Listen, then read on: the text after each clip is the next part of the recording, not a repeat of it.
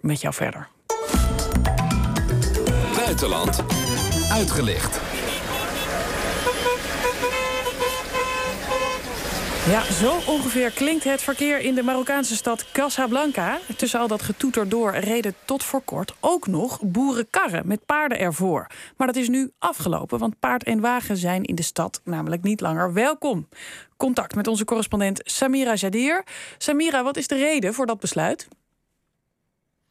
Nou, de burgemeester zegt dat Casablanca een moderne stad is en dat paard en wagen daar niet bij horen.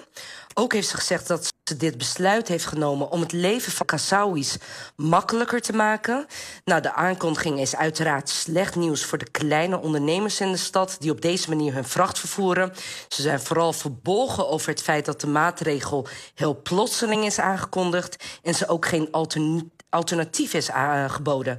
Nou, veel Kassauis vinden dit ook niet chic, maar ze zijn er ook wel blij mee dat paarden en ezels uit de stad worden geweerd. Oh ja, want eh, een van de argumenten, begrijp ik, voor deze afschaffing was dat paard en wagen veel ongelukken veroorzaken en het verkeer zouden ophouden. Zit daar nou wat in?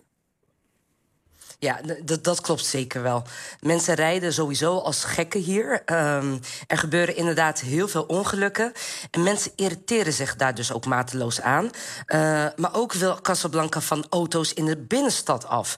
Uh, en willen ze milieuvriendelijk worden. Dus ze zijn dit probleem wel serieus aan het aanpakken. Maar het gaat vooral om de tactloze manier waarop het wordt gedaan.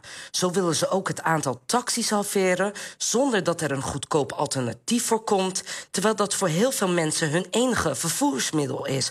Nou, ze zijn wel bezig met het aanleggen van een tramnetwerk... maar dat is nog lang niet af. En hoe belangrijk zijn paard en wagen nog als transportmiddel?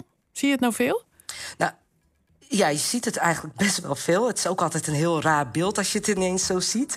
Uh, maar ze worden vooral gebruikt door mensen die van buiten de stad komen. Die zijn niet rijk. Bijvoorbeeld boeren die met hun spullen naar de stad gaan om ze daar te verkopen.